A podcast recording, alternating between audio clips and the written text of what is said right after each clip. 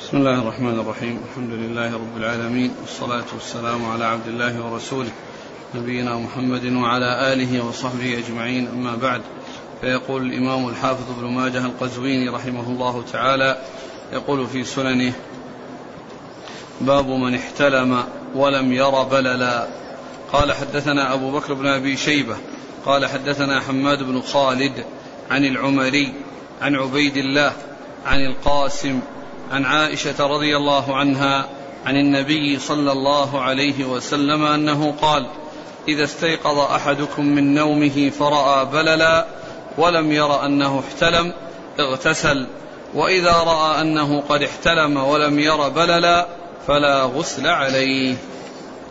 بسم الله الرحمن الرحيم الحمد لله رب العالمين وصلى الله وسلم وبارك على عبده ورسوله نبينا محمد وعلى آله وأصحابه أجمعين.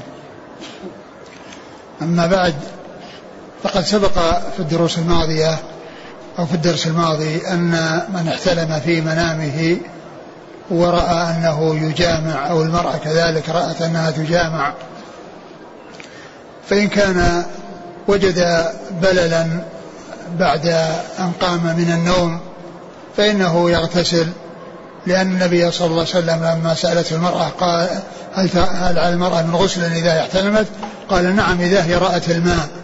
نعم إذا هي رأت الماء.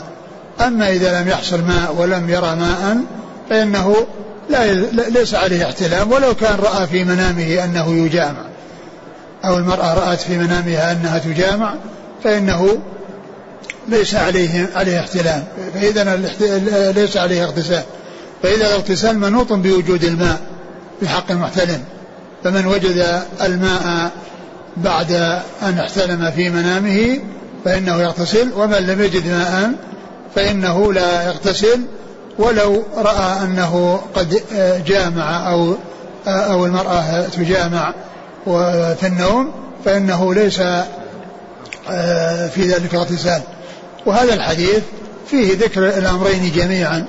أن أن الإنسان إذا احتلم وجد البلل فإنه يغتسل وإذا لم يجد بللا فإنه لا غسل عليه. نعم. قال حدثنا أبو بكر بن أبي شيبة. ثقة أخرج أصحاب الكتب إلى الترمذي. عن حماد بن خالد. وهو صدوق ثقة أخرجه مسلم وأصحاب السنن. نعم. عن العمري.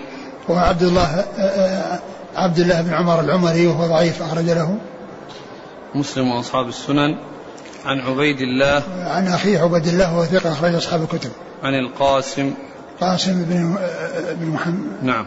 ابن محمد بن أبي بكر وهو ثقة أخرج أصحاب الكتب. عن عائشة. عائشة أم المؤمنين رضي الله عنها وأرضاها الصديقة بنت الصديق وهي ممن أكثر الرواية عن رسول الله صلى الله عليه وسلم.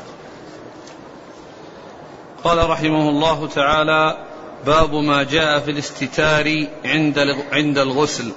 قال حدثنا العباس بن عبد العظيم العنبري وأبو حفص عمرو بن علي الفلاس ومجاهد بن موسى قالوا حدثنا عبد الرحمن بن مهدي. قال حدثنا يحيى بن الوليد. قال أخبرني محل بن خليفة. قال حدثني أبو السمح رضي الله عنه أنه قال كنت أخدم النبي صلى الله عليه وسلم فكان إذا أراد أن يغتسل قال ولني فأوليه قفاي وأنشر الثوب فأستره به. ثم ذكر الاستتار عند الاستتار عند الاغتسال. يعني سواء للجنابة أو غير الجنابة. الإنسان عندما يغتسل فإنه يستتر. إذا كان في مكان يعني يراه أحد فإن عليه أن يستتر من الناس. وألا يتعرى أمام الناس ويغتسل يعني بحضور الناس فعليه أن يستتر.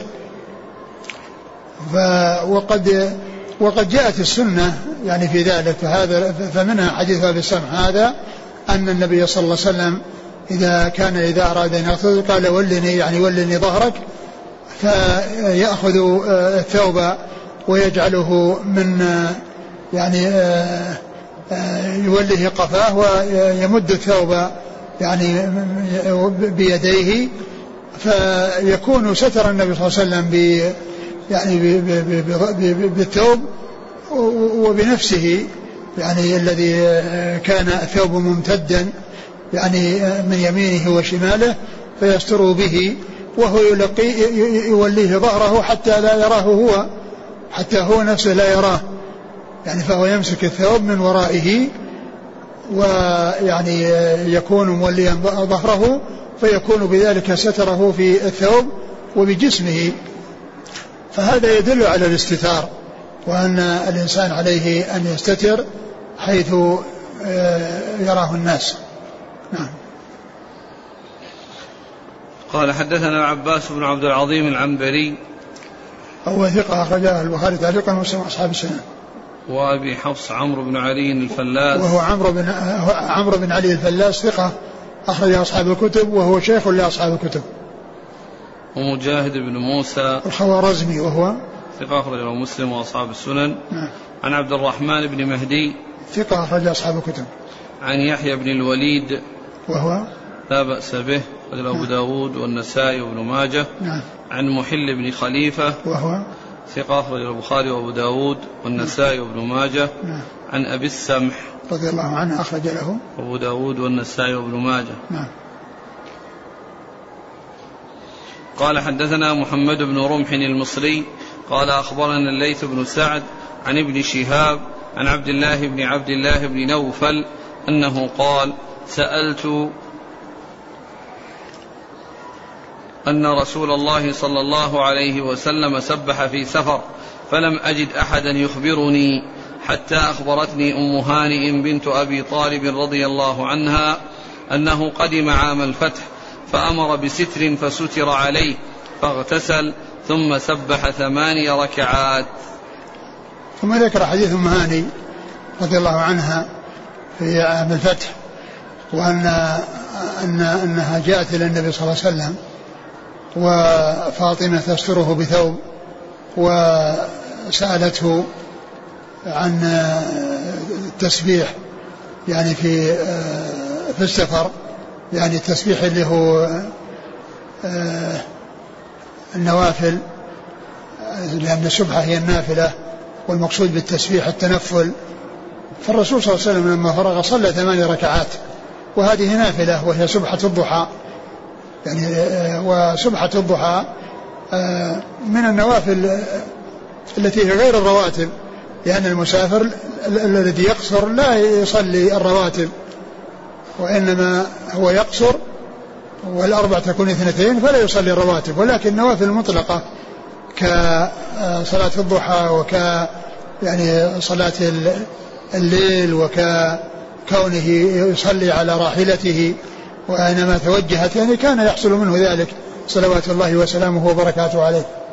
إيش قال يقول عبد الله بن عبد الله بن نوفل سألت أن رسول الله صلى الله عليه وسلم سبح في سفر فلم أجد أحدا يخبرني حتى أخبرتني أم هانئ بنت أبي طالب أنه قدم عام الفتح فأمر بستر فستر عليه فاغتسل ثم سبح ثماني ركعات.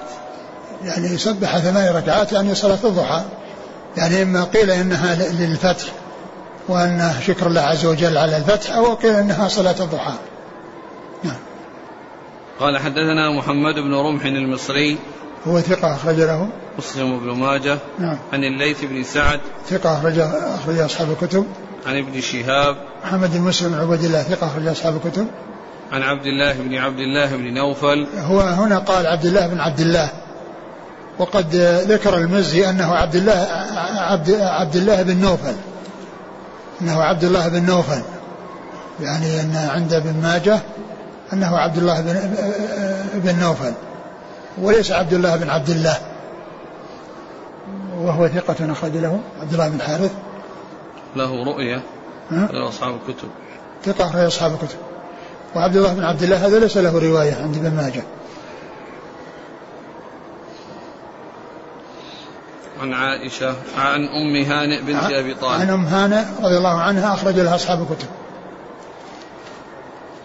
قال حدثنا محمد بن عبيد بن ثعلبة الحماني. قال حدثنا عبد الحميد أبو يحيى الحماني. قال حدثنا الحسن بن عمارة عن المنهال بن عمرو عن أبي عبيدة عن عبد الله بن مسعود رضي الله عنه أنه قال قال رسول الله صلى الله عليه وسلم لا يغتسلن أحدكم بأرض فلاه ولا فوق سطح لا يواريه فإن لم يكن يرى فإنه يرى.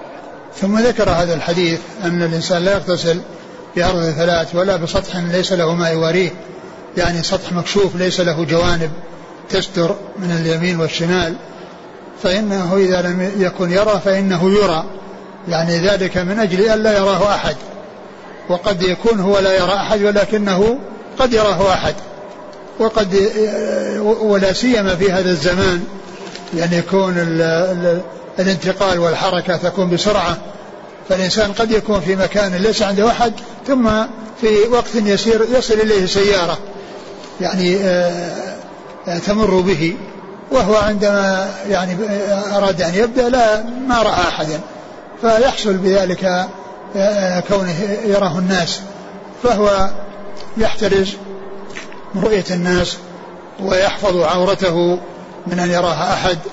وقد جاء في الحديث عن النبي صلى الله عليه وسلم أنه قال احفظ عورتك إلا من زوجتك أو ما ملكت يمينك. ف هذا فيه ذكر الاستتار وأن الإنسان يحرص عليه والأحاديث ثبتت بهذا ولكن الحديث هذا ضعيف جدا لأن فيه الحسن بن عمارة وهو متروك نعم.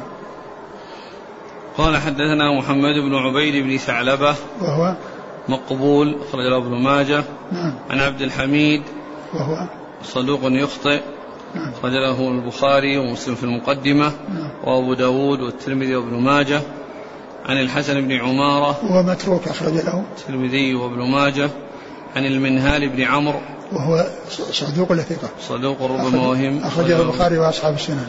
عن أبي عبيدة أبو عبيدة بن عبد الله بن مسعود وهو ثقة أخرج أصحاب الكتب ورواية ورواية ولم تثبت رواية عن أبيه.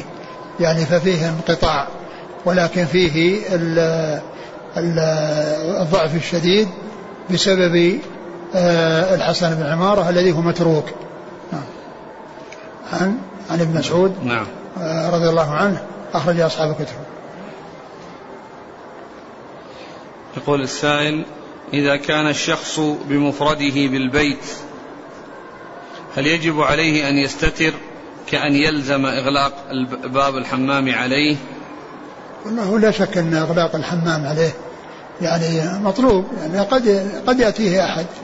وحتى لو لم يأتيه أحد يعني كل إنسان يعني يستتر ويأتي بالشيء الوسائل الممكنة التي فيها الاحتياط وفيها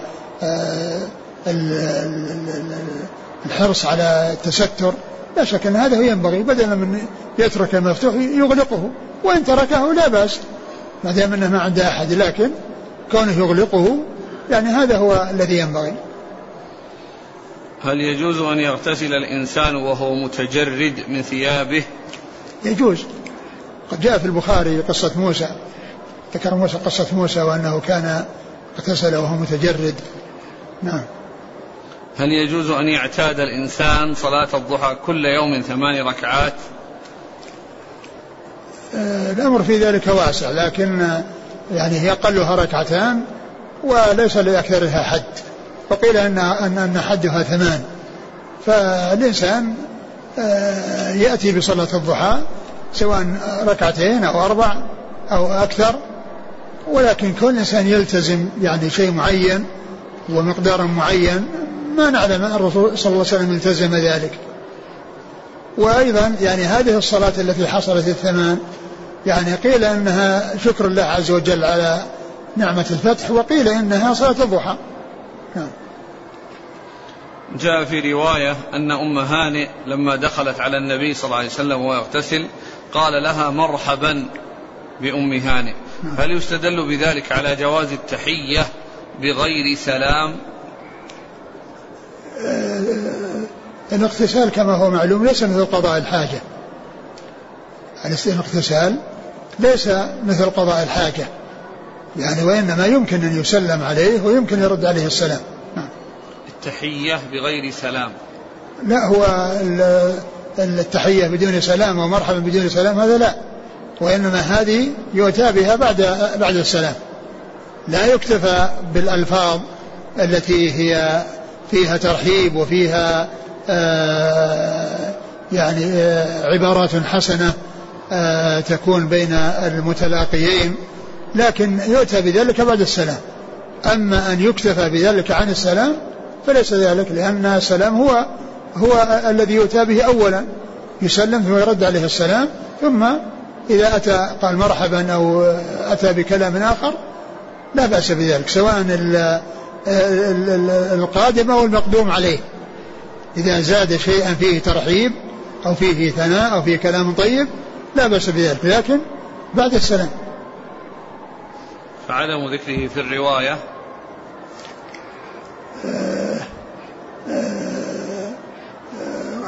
قضية الرواية هنا ليس فيها كل شيء. أقول ليس يعني معناه فيها ذكر شيء وأظن فيه فيه أن سلمت ورد عليه السلام وقال مرحبا بإمهاني. يعني ينظر في أقول ينظر يعني ألفاظ الحديث التي وردت لأن الحديث ورد يعني في في الصحيح وورد في غير الصحيح. لكن آه السلام هو الأول وفي في ظني أو في في ذهني أن فيه فيه سلام ورد سلام قبل ذلك. يقول عندنا في البلد ما يسمى بالحمام. وهي تكلمت معه في قصة أخيها علي بن أبي طالب لما أجارت إنسانا وهو أراد أن يعني آه، آه، يخل في في إجارتها وأن وأنه يعني لا يحقق ذلك اشتكى ذلك إلى الرسول صلى الله عليه وسلم وقال أجرنا من أجرت يا أم هاني. نعم. يقول عندنا في البلد ما يسمى بالحمام يجتمع فيه مجموعة من الرجال ويغتسلون من دون أن يستتر أحدهم عن الآخر. فهل هذا العمل جائز؟ هذا من السفة هذا. أقول هذا من السفة يعني. هذا يعني هذا أشباه البهائم. يعني أعمال مثل أعمال البهائم. يعني أناس يعني ينظر بعضهم إلى بعض. يعني الرسول صلى الله عليه وسلم احفظ عورتك إلا من زوجتك وما ملكت يمينك احفظ عورتك إلا من زوجتك أو ما ملكت يمينك فهذا من السفة ومن قلة الحياء كون الناس يكونون عراة ينظر بعضهم إلى بعض. قال رحمه الله تعالى باب ما جاء في النهي للحاقن أن يصلي. قال حدثنا محمد بن الصباح قال أخبرنا سفيان بن عيينة عن هشام بن عروة عن أبيه عن عبد الله بن أرقم رضي الله عنه أنه قال قال رسول الله صلى الله عليه وسلم إذا أراد أحدكم الغائط وأقيمت الصلاة فليبدأ به. ثم ذكر الحاقن باب الحاقن. النهي للحاقن أن يصلي. النهي للحاقن أن يصلي. الحاقن هو الذي آه، آه، آآ البول يعني شغله يشغله البول وهو بحاجة إلى أن يقضي حاجته فإنه لو ذهب إلى الصلاة فإنه يكون مشوش وغير مطمئن في صلاته لأن انحباس البول وحاجته إلى إخراجه يعني يشوش عليه ويؤثر فتجده يتململ ويتأثر فمثل ذلك ليس له. أن يقدم على الصلاة وهو بهذه الحال وإنما عليه أن يذهب ولو فاتت الصلاة لأن المقصود من الصلاة أن الإنسان يأتي بها وهو, مطمئن ليس مشوش. وأما إذا كان آه، يعني فيه بول ولكنه يعني لا يؤثر عليه وليس حاقنا يعني بمعنى أنه آه، آه، يزعجه يعني وجود احتقان البول به فإن فإن ذلك لا بأس به. يعني يكون الإنسان يعني يحتاج إلى بول ولكنه ليس لا يشوش عليه ولا يؤثر عليه. فهذا لا بأس به ولكن الشيء الذي يشوش على صلاته ويؤثر على صلاته ليس له أن يدخل في الصلاة ويتشاغل بهذا الذي يؤثر عليه فيفسد عليه صلاته ويجعله لا يطمئن في صلاته. وإنما عليه أن يقضي حاجته أولا ثم يتوضأ ويأتي إلى الصلاة ولو فاتته الصلاة. وإذا كان الإنسان عنده شيء فإنه يستعد للصلاة من أول. فيقدم على قضاء الحاجة قبل أن آه، يحضر وقت الصلاة أو بعد أو قبل أن يحصل وجود وقت الصلاة ليتمكن من الذهاب إلى المسجد والصلاة آه، مع الناس. وكذلك أي شيء يشوش الإنسان يعني آه، يعني كون الإنسان يعني أي شيء يشوش عليه فإنه يعمل على الخلاص منه يعني والتخلص منه قبل أن يقدم على صلاته ليأتي إلى الصلاة وهو يعني حاضر البال. مثل الإنسان الذي آه، قدم طعام وهو متعلقة نفسه به فإن ذلك يشوش عليه. نعم. إذا أراد أحدكم الغائط وأقيمت الصلاة فليبدأ به. إذا أقي... إذا إذا أتى أحدكم الغائط وأقيمت الصلاة فليبدأ به. يبدأ بالغائط وبقضاء الحاجة لأن ليحضر إلى الصلاة وهو مطمئن. ولو ولو فاتت الصلاة. ولكن على الإنسان أن يستعد للصلاة من أول. وأن يتخلص من من الشيء الذي آه، يشغله عن صلاته آه، بحيث ينتهي قبل أن تقام الصلاة. ولكن لو حصل أن الإنسان آه، صار بهذه الحالة التي هي كونه حاقنا ويشوش عليه في صلاته لو دخل فيها فإنه يبدأ بقضاء الحاجة ويأتي بالصلاة فيما بعد.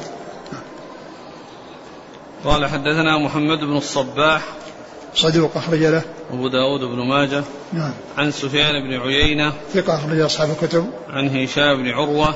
ثقة أخرج أصحاب الكتب. عن أبيه ثقة أخرج أصحاب الكتب. عن عبد الله بن أرقم.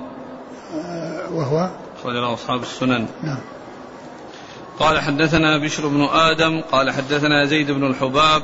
قال حدثنا معاوية بن صالح عن السفر بن نسير عن يزيد بن شريح عن أبي أمامة رضي الله عنه أن رسول الله صلى الله عليه وعلى آله وسلم قال نهى أن يصلى نهى أن رسول الله صلى الله عليه وسلم نهى أن يصلي الرجل وهو حاق. ثم ذكر هذا حديث أبي أمامة رضي الله عنه أن النبي صلى الله عليه وسلم نهى أن يصلي رجله حاق. وذكر الرجل هنا كما عرفنا مرارا وتكرارا أنه ليس له مفهوم بمعنى أن المرأة تختلف وإنما لأن الرجال هم الغالب الخطاب معهم وإلا فإن الحكم يشمل الرجال والنساء ولا يميز الرجال عن النساء ولا النساء عن الرجال إلا بأدلة خاصة تدل على أن هذا من خصائص الرجال أو هذا من خصائص النساء وإلا فإن الأصل هو التساوي بين الرجال والنساء في الأحكام.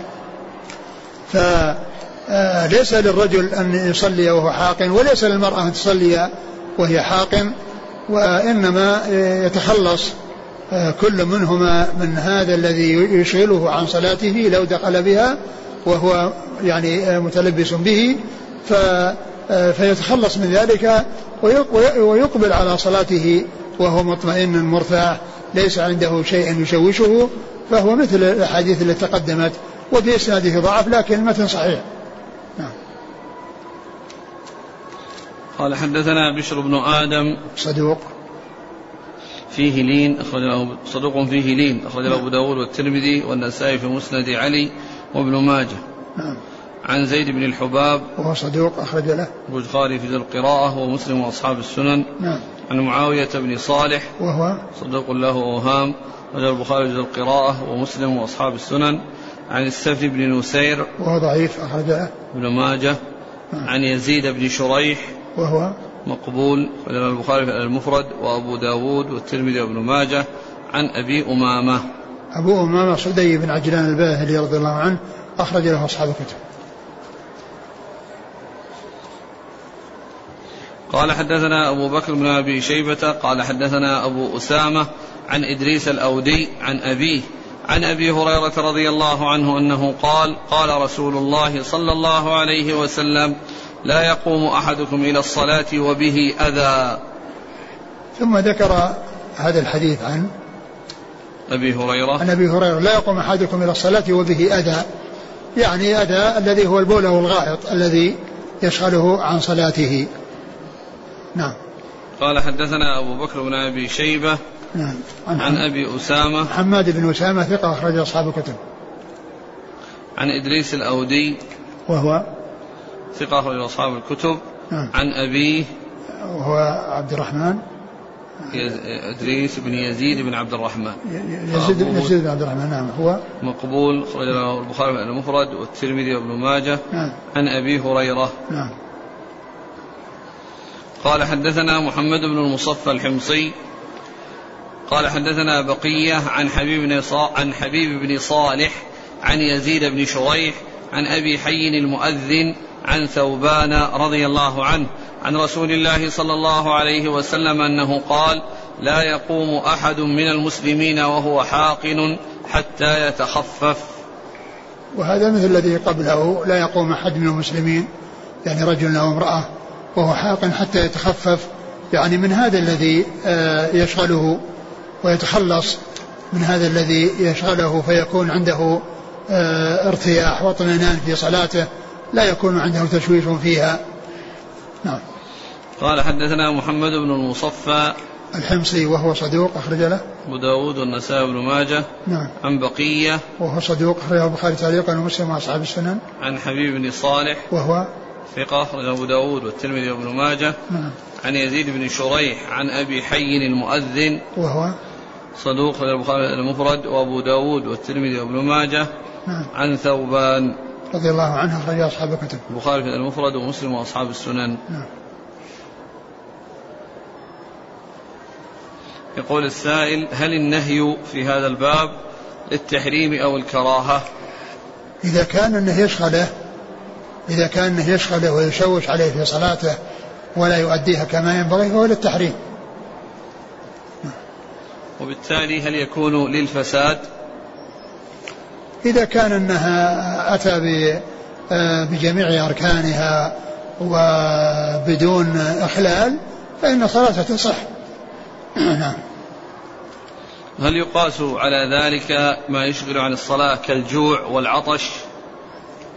آه، آه، كما هو معلوم بالنسبة يعني للجوع إذا كان الإنسان يعني عنده طعام ويريد أن يتخلى يعني يقضي نهمته منه فإنه آه، فإنه يقضي حاجته منه مثل ما جاء يعني في كون إذا حضر العشاء فإنه يقدم العشاء حتى لا يتشوش الإنسان. لكن الإنسان إذا كان جائعا وليس عنده شيء يأكله فإنه يصلي على حسب حاله ولو كان جائعا. من دخل في الصلاة وليس له حاجة شديدة واشتدت حاجته إلى ذلك في الصلاة فهل الأولى له أن يقطع صلاته؟ والله إذا كان أنه يشوش عليه في صلاته لأن بعض الناس يعني قد يحصل له يعني شيء عاصف في بطنه وإسهال أو كذا يعني يطرأ عليه ولا يستطيع ال- ال- ال- الاستمرار أو ال- ال- المحافظة على صلاته فإنه يقطع صلاته. يعني حتى لا يعني لا يفاجئه ويخرج منه بغير قدرة وبغير شعور منه. وإذا كان أنه لا يؤثر عليه في صلاته بمعنى أنه يؤدي آه، صلاته ولا يخشى أن يحصل منه شيء فإنه يكملها. لكن إذا كان بيترتب عليه مضرة بأن يخشى حصول انطلاق يعني منه ولا يقدر على حبسه أو أنه ينشغل عن آه، أركان الصلاة وأدائها كما ينبغي فإنه يقطع يقطعها. قال رحمه الله تعالى باب ما جاء في المستحاضة التي قد عدت أيام أقرائها قبل أن يستمر بها الدم. قال حدثنا محمد بن رمح قال أخبرنا الليث بن سعد عن يزيد بن أبي حبيب عن بكير بن عبد الله عن المنذر بن المغيرة عن عروة بن الزبير أن فاطمة بنت أبي حبيش رضي الله عنها حدثته أنها أتت رسول الله صلى الله عليه وسلم فشكت إليه الدم فقال رسول الله صلى الله عليه وسلم إنما ذلك عرق فانظري إذا أتى قرؤك فلا تصلي و... ذلك. إنما ذلك عرق فانظري إذا أتى قرؤك فلا تصلي فإذا مر القرء فتطهري ثم صلي ما بين القرء من ما بين القرء إلى القرء ثم ذكر أحاديث ذكر أحاديث تتعلق بالمستحاضة. والمستحاضة هي التي يخرج منها الدم وهو غير حيض وهو دم فساد ويعني يستمر قد يستمر طويلا وقد يكون يستمر وقد يستمر أوقات يعني محددة لكنها خارجة. عن مدة الحيض فإن هذا يقال له استحاضة ويقال له دم فساد والمرأة المستحاضة لها أحوال ثلاث إما أن تكون مميزة أو تكون معتادة أو تكون لا هذه ولا هذه. فإذا كانت مميزة بمعنى أنها تعرف وقت يعني تعرف حيضها برائحته ولونه فإنها تجلس المدة التي آه التي هي مدة الحيض الذي يعرف بلونه بكونه أسود وكون له, له رائحة الذي هو الحيض. وما زاد على ذلك هو الدم المستح... دم الاستحاضة. فتمتنع عن الصلاة آه مدة حيضها. وإذا آه انتهت المدة وانقطع الدم الأسود الذي له رائحة خاصة كريهة فإنها تغتسل. وتصلي تصلي الصلوات على حسب حالها لأن هذا يصير من جنس من جنس سلس البول الذي يكون مع الإنسان دائما وأبدا فإن يصلي على حسب حاله. فالمستحاضة هي من هذا القبيل تصلي على حسب حالها. فهذه الحالة الأولى أن تكون مميزة بمعنى أنها تميز الدم وتعرف يعني الحيض من الاستحاضة.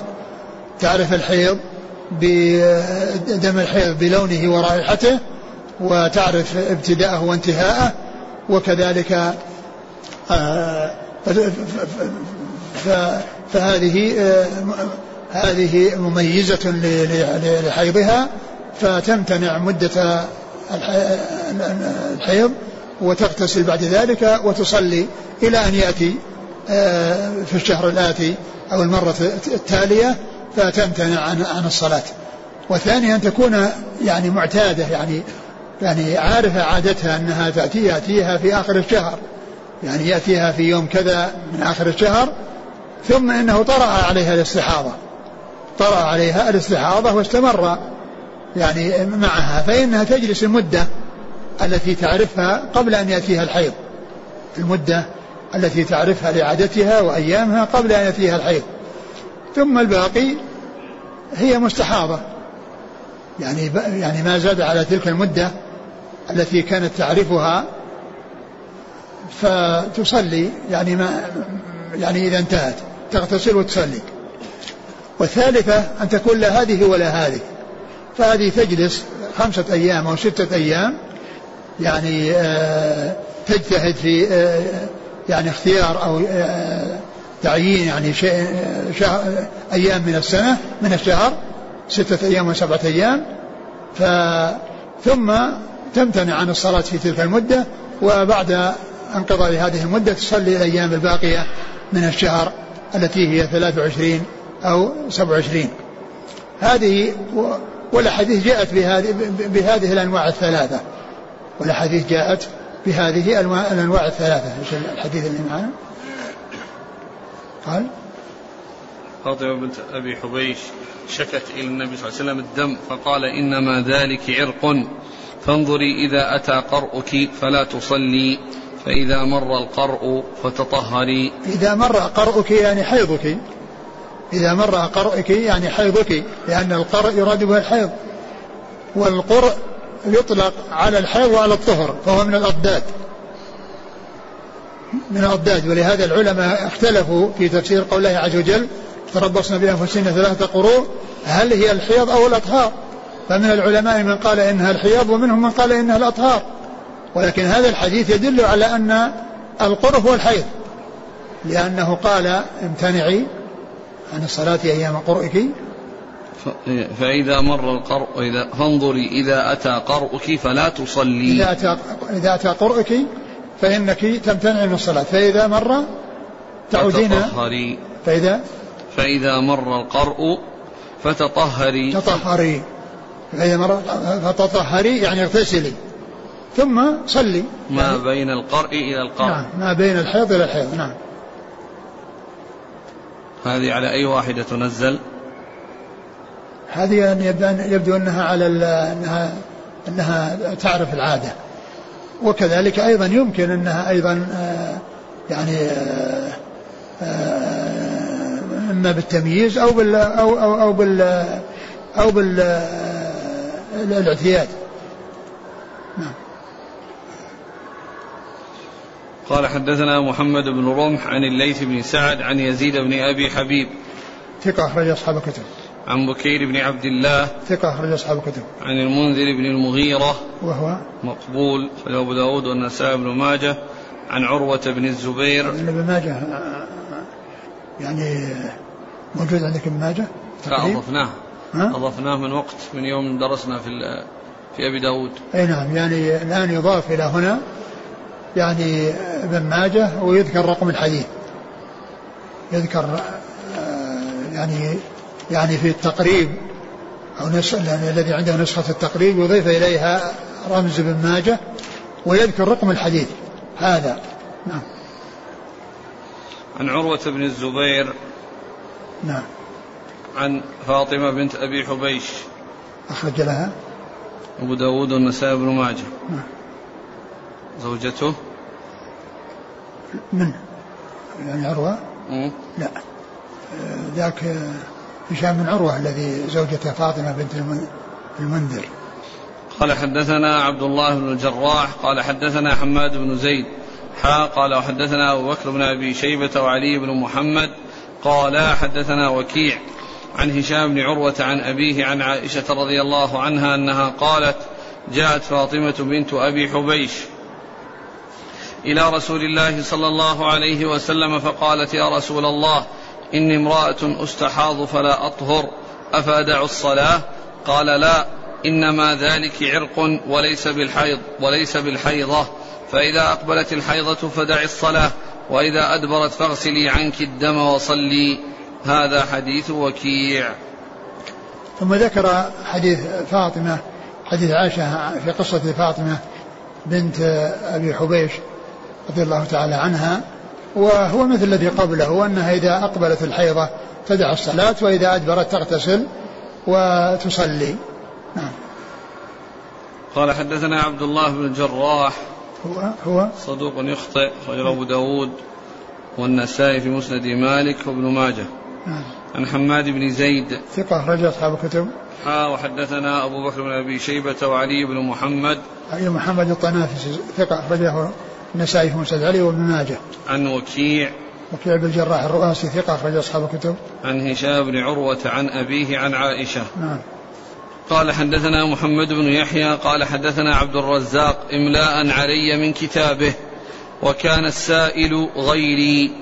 قال أخبرنا ابن جريج عن عبد الله بن محمد بن عقيل عن إبراهيم بن محمد بن طلحة عن عمر بن طلحة عن أم حبيبة بنت جحش رضي الله عنها أنها قالت كنت أستحاض حيضة كثيرة طويلة قالت فجئت إلى النبي صلى الله عليه وسلم أستفتيه وأخبره قالت فوجدته عند أختي زينب قالت قلت يا رسول الله إن لي إليك حاجة قال وما هي أيه أيهنتاه؟ قلت إني أستحاض حيضة طويلة كبيرة وقد منعتني الصلاة والصوم فما تأمرني فما تأمرني فيها؟ قال أنعت لك الكرسف فإنه يذهب الدم. قلت هو أكثر. فذكر نحو حديث شريك. ثم ذكر يعني هذا الحديث عن عن ام حبيبة بنت جحش وهي حمنة بنت جحش اخت أخت المؤمنين زينب بن جحش رضي الله عنه رضي الله عنهن وعن الصحابة أجمعين.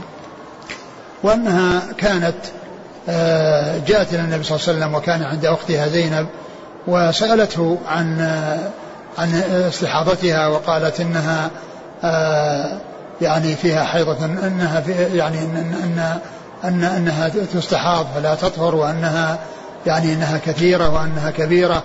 وقال أنعت لك الكرسف يعني أصف الكرسف وهو القطن بمعنى أنها يعني تحشو به فرجها فقد يعني يزيله. قال قالت إن هذا شيء كثير يعني معناه أنه يطغى ويعني آه، آه، يسيل على على الكرسف حتى يغمره بالدم لكثرته وكثافته. فقال إيش بعده؟ قلت هو أكثر آه. قال أوله. فيما حديث وكيع حديث شريك؟ نعم نحو حديث شريك. حديث شريك يأتي بعد يعني بعد هذا. وكان يعني كان المناسب أن يكون حديث شريك الكامل هو المتقدم. يكون حديث شريك الكامل هو المتقدم. يعني حتى تكون الإحالة إليه.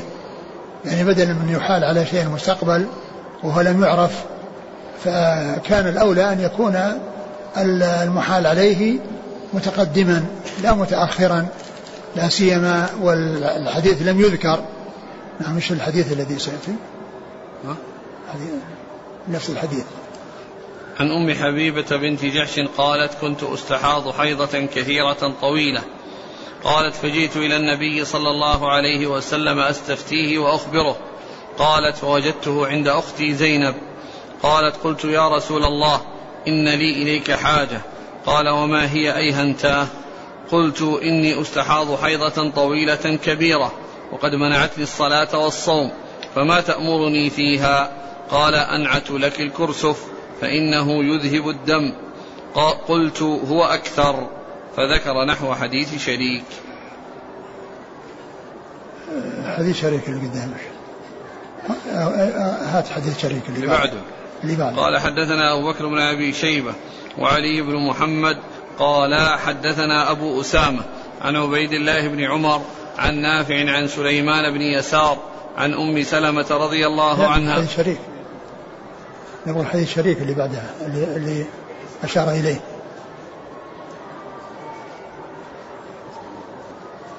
قال حدثنا أبو بكر بن أبي شيبة وإسماعيل بن موسى قال حدثنا شريك عن أبي اليقظان عن علي بن ثابت عن أبيه عن جده عن النبي صلى الله عليه وسلم المستحاضة تدع الصلاة أيام أقرائها ثم تغتسل وتوضأ لكل صلاة وتصوم وتصلي. يعني آه، حديث شريك الذي حال إليه يعني آه، آه، هو يتعلق بأن المستحاضة تدع الصلاة أيام أقرائها. وبعد ذلك تغتسل وتصلي وتصوم. تغتسل وتصلي وتصوم. لا هو ليس هذا. لكن ليس هذا. لا حديث آخر. باب ما جاء في البكر إذا ابتدأت مستحاضة أو كان لها أيام حيض فنسيتها. قال حدثنا أبو بكر بن أبي شيبة. قال حدثنا يزيد بن هارون. قال أخبرنا شريك عن عبد الله بن محمد بن عقيل عن إبراهيم بن محمد بن طلحة عن عمه عمران بن طلحة عن أمه حمنة بنت جحش رضي الله عنها أنها استحيضت على عهد رسول الله صلى الله عليه وسلم. فأتت رسول الله صلى الله عليه وسلم فقالت إني, إني استحضت حيضة منكرة شديدة. قال لها احتشي كرسفا. قالت له إنه أشد من ذلك. إني أثج ثجا. قال تلجمي وتحيضي في كل شهر في علم الله ستة أيام أو سبعة أيام ثم اغتسلي غسلا فصلي وصومي ثلاثة وعشرين أو أربعة وعشرين وأخر الظهر وقدم العصر واغتسلي لهما غسلا وأخر المغرب وعجل العشاء واغتسلي لهما غسلا وهذا أحب الأمرين إلي. هذا هو الذي أحال عليه المصنف يعني في آه، آه، في الحديث المتقدم وتمامه كان جاء متأخرا وكما قلت كان الأولى أن يكون المحال إليه متقدما على المحال المحال إليه متقدما على الإحالة.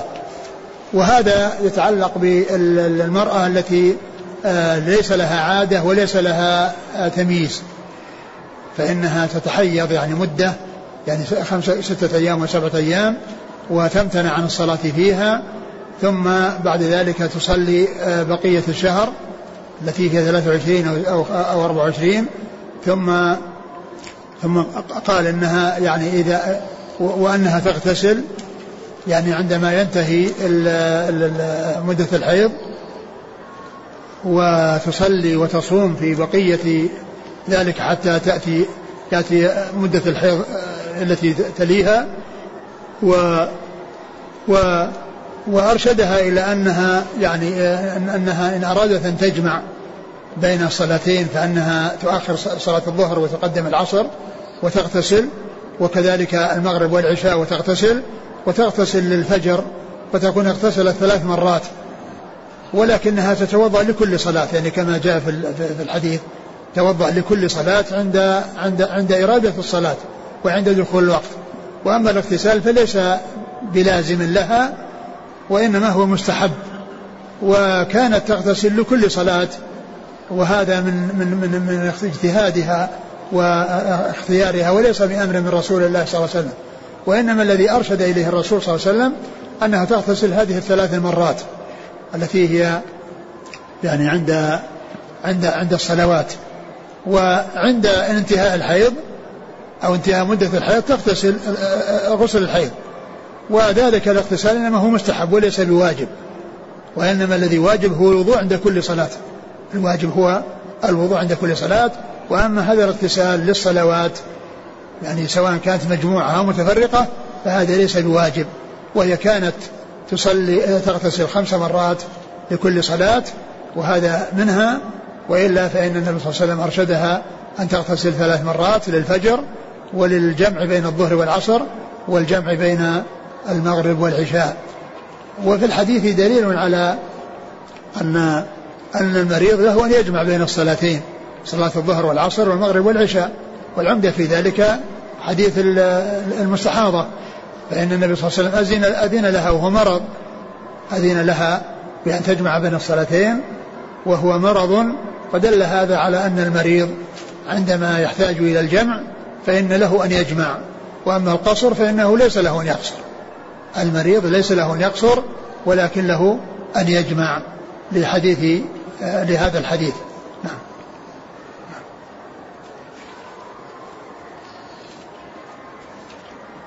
الإسنادين.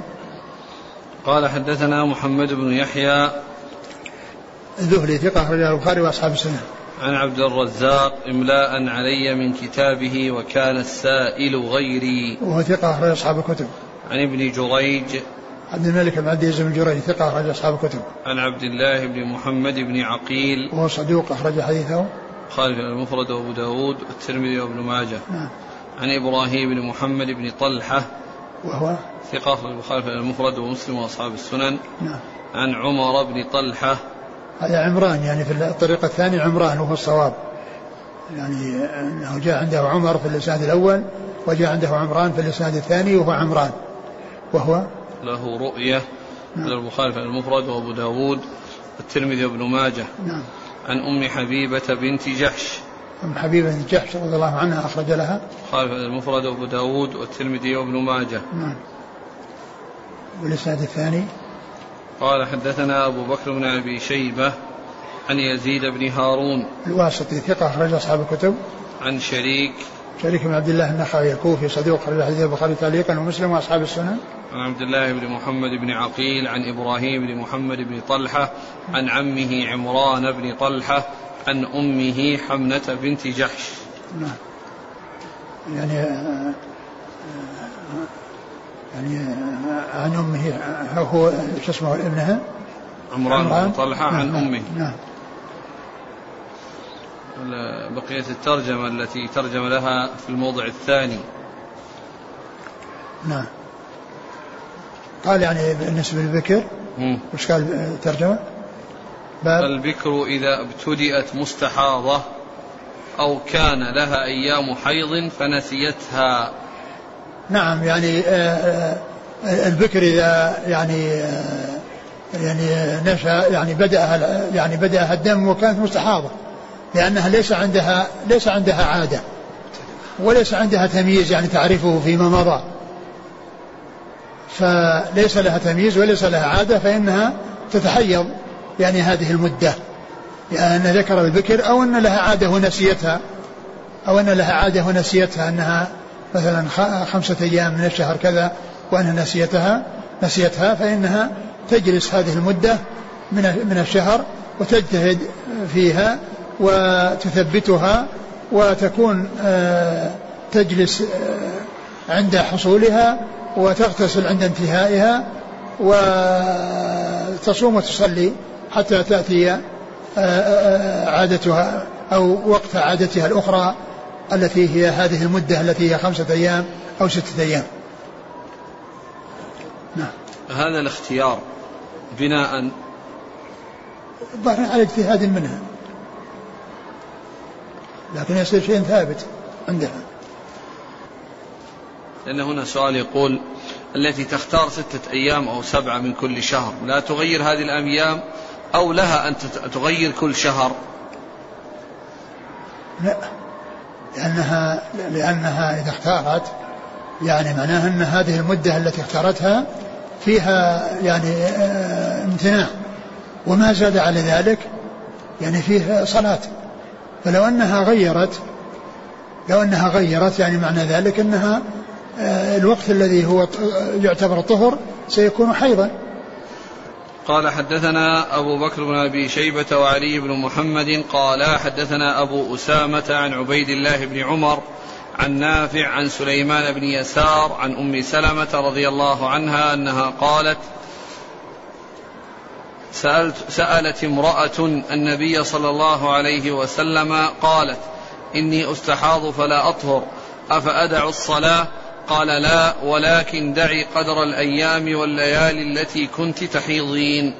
قال أبو بكر في حديثه وقدرهن من الشهر ثم اغتسلي واستدفري بثوب وصلي.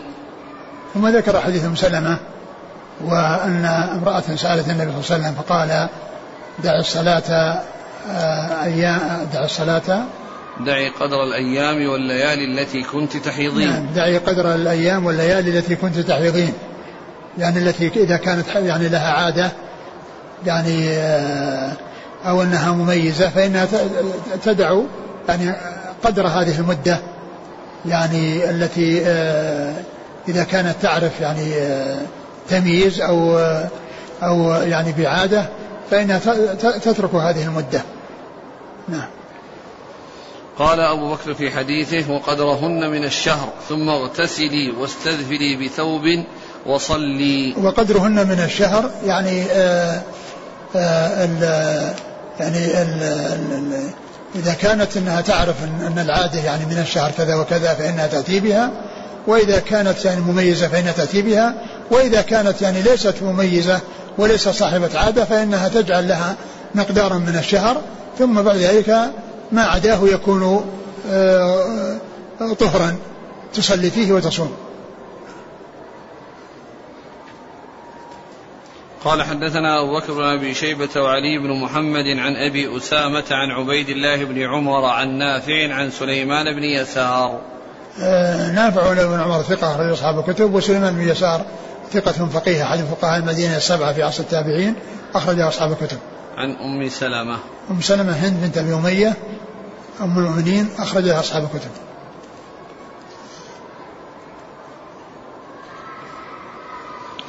قال حدثنا علي بن محمد وأبو بكر بن أبي شيبة قالا حدثنا وكيع عن الأعمش عن حبيب بن أبي ثابت عن عروة بن الزبير عن عائشة رضي الله عنها أنها قالت جاءت فاطمة بنت أبي حبيش رضي الله عنها إلى النبي صلى الله عليه وسلم فقالت يا رسول الله إني امرأة أستحاض فلا أطهر أفأدع الصلاة؟ قال لا إنما ذلك عرق وليس بالحيضة. اجتنبي الصلاة أيام محيضك ثم اغتسلي وتوضئي لكل صلاة وإن قطر الدم على الحصير. الحديث آه، يعني صحيح وبدون وإن قطر الدم على الحصير. و ولكنها كما هو معلوم تستثفر بثوب وتشده على نفسها ويعني آه، وتصلي وتتوضأ عند دخول عند دخول الوقت وعند إرادة الصلاة و ولو كان الدم يعني موجود ولكن لا تتركه يعني يسقط وينزل بل تعمل الاحتياطات التي تجعلها في وقت صلاتها يعني الدم. أعد المتن. جاءت فاطمة بنت أبي حبيش إلى النبي صلى الله عليه وسلم فقالت يا رسول الله إني امرأة أستحاض فلا أطهر أفأدع الصلاة؟ قال لا إنما ذلك عرق وليس بالحيضة اجتنبي الصلاة أيام أيام محيضك ثم اغتسلي وتوضئي لكل صلاة وإن قطر الدم على الحصير. آه يعني هنا آه سألت أنها يعني تترك الصلاة على اعتبار أن الحيض تمتنع المرأة فيه من الصلاة. فهي يعني فهمت أو ظنت أن الحكم يكون ما دام الدم يخرج فإنها يكون حكم حكم الحيض. فالنبي صلى الله عليه وسلم قال لا. يعني إنما ذلك عرق وليس بالحيضة فإذا فإذا أقبلت لا ليس فيه. فإذا ليس في هذا الحديث. لا أشكال إنما ذلك عرق وليس بالحيضة. اجتنبي الصلاة أيام محيضك نعم. ثم اغتسلي وتوضئي لكل صلاة. آه، آه، يعني تترك الصلاة أيام أيام محيضها يعني التي آه، إما تكون بالعادة إما بالعادة معتادة أو مميزة أو ليست هذه ولا هذه ثم تغتسل. تغتسل لانقطاع الحيض. يعني ليس المقصود من ذلك أنها تغتسل لكل صلاة وإنما تغتسل لانقضاء الحيض وتتوضأ لكل صلاة. عند كل صلاة تتوضأ ولكن عند انقضاء الحيض فإنها تغتسل يعني غسل الحيض. والوضوء لكل صلاة هذا لا بد منه للمستحاضة ولمن به سلس البول أو به سلس الريح فإن هؤلاء آه، آه، يصلون على حسب حالهم ولكنهم يتوضعون عند إرادة الصلاة ولا يضرهم أن يحصل آه، منهم شيء بعد ذلك. نعم.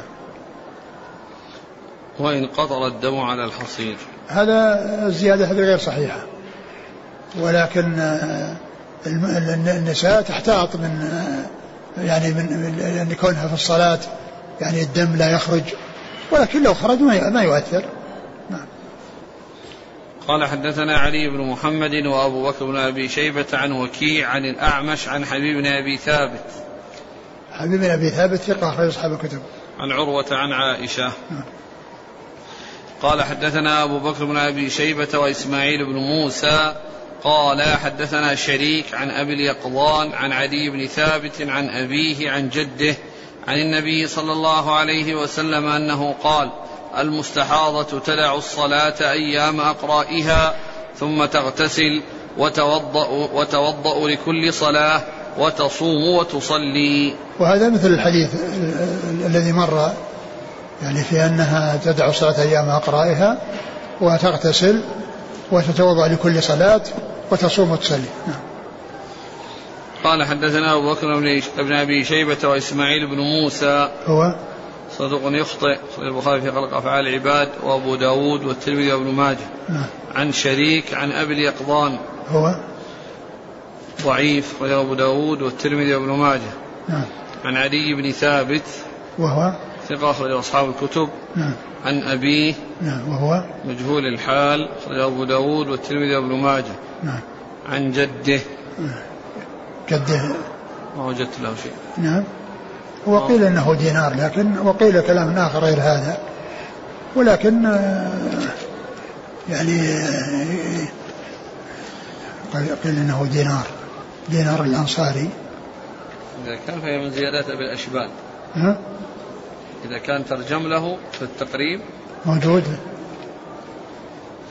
قال دينار أضاف كلمة صحابي أبو الأشبال قيل هو جد علي بن ثابت ولا يصح. أبو داود والترمذي وابن ماجه. على كل الصحابي يعني لو جهلت عينه أو شخصه لا يؤثر. قال رحمه الله تعالى باب ما جاء في المستحاضة إذا اختلط عليها الدم فلم تقف على أيام حيضتها.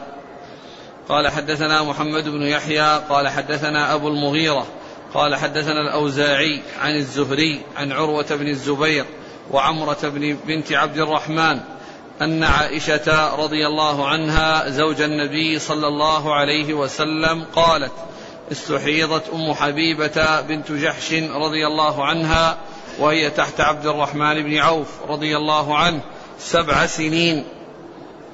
فشكت ذلك للنبي صلى الله عليه وسلم فقال النبي صلى الله عليه وسلم إن هذه ليست بالحيضة. وإنما هو عرق. فإذا أقبلت الحيضة فدعي الصلاة وإذا أدبرت فاغتسلي وصلي. قالت عائشة فكانت تغتسل لكل صلاة ثم تصلي وكانت تقعد تقعد في مركن تقعد في مركن لأختها زينب بنت جحش حتى إن حمرة الدم لتعلو الماء. ثم ذكر باب إيش؟ باب المستحاضة إذا اختلط عليها الدم. فلم تقف على أيام حيضتها. اقرأ المتن قال قال صلى الله عليه وسلم إن هذه ليست بالحيضة وإنما هو عرق. فإذا أقبلت الحيضة فدعي الصلاة وإذا أدبرت فاغتسلي وصلي. قالت عائشة فكانت تغتسل لكل صلاة ثم تصلي وكانت تقعد في مركن لأختها زينب بنت جحش. يعني إقبال إقبال الحيضة يعني إما أن يكون بتمييزها أو يكون بأيامها التي كانت تعرفها قبل أن تستحاض. يعني الإقبال والإدبار يكون عند هذا. أما إذا كانت يعني فهي تختار لها أيام كما مر في حديث الحديث السابق وتمتنع عن الصلاة والصوم فيها وتغتسل بعد ذلك وتصوم وتصلي. وتقضي الصوم ولا تقضي الصلاة. فترجمة هنا قال اختلطت عليها حاجتها نعم. إذا اختلط عليها الدم فلم تقف على أيام حيضتها. يعني هذا ترجمة غير واضحة ليس مطابقة للحديث. يعني اللي يطابق الحديث ذاك الذي فيها تكون تتحيض خمسة أيام. ما بعده. نعم. أقول الحديث يعني اللي بعده حديث فاطمة حمنا نعم بنت نعم اللي مر نعم. حديث الباب في نفس الباب؟ لا باب آخر اللي بعده باب ما جاء في البكر. إذا ابتدأت مستحاضة نعم. أو كان لها أيام حيض فنسيتها. يعني يعني هذا الباب هذا الباب والباب الثاني ينطبق عليهم الحديث حديث فاطمة بنت أبي حبيش. حمنة. نعم. حمنة. نعم. حمنة. حمنة بنت جعش. إيه. يعني الحديث الترجمتين ينطبق عليه الحديث حملة بن جحش حملة بن جحش هو, هو اللي قرأناه. نعم طيب. نعم. الإسناد قال حدثنا محمد بن يحيى عن أبي المغيرة. هو؟ القدوس ثقة أخرج أصحاب الكتب عن الأوزاعي نعم. عن الزهري نعم. عن عروة بن الزبير وعمرة بنت عبد الرحمن. عمرة بن عبد الرحمن ثقة أخرج أصحاب الكتب. عن عائشة. رضي الله عنها. إيش بعده؟ البكر إذا ابتليت مستحاضة. قرأناه. نعم. ثم قال باب فيما جاء في دم الحيض يصيب الثوب.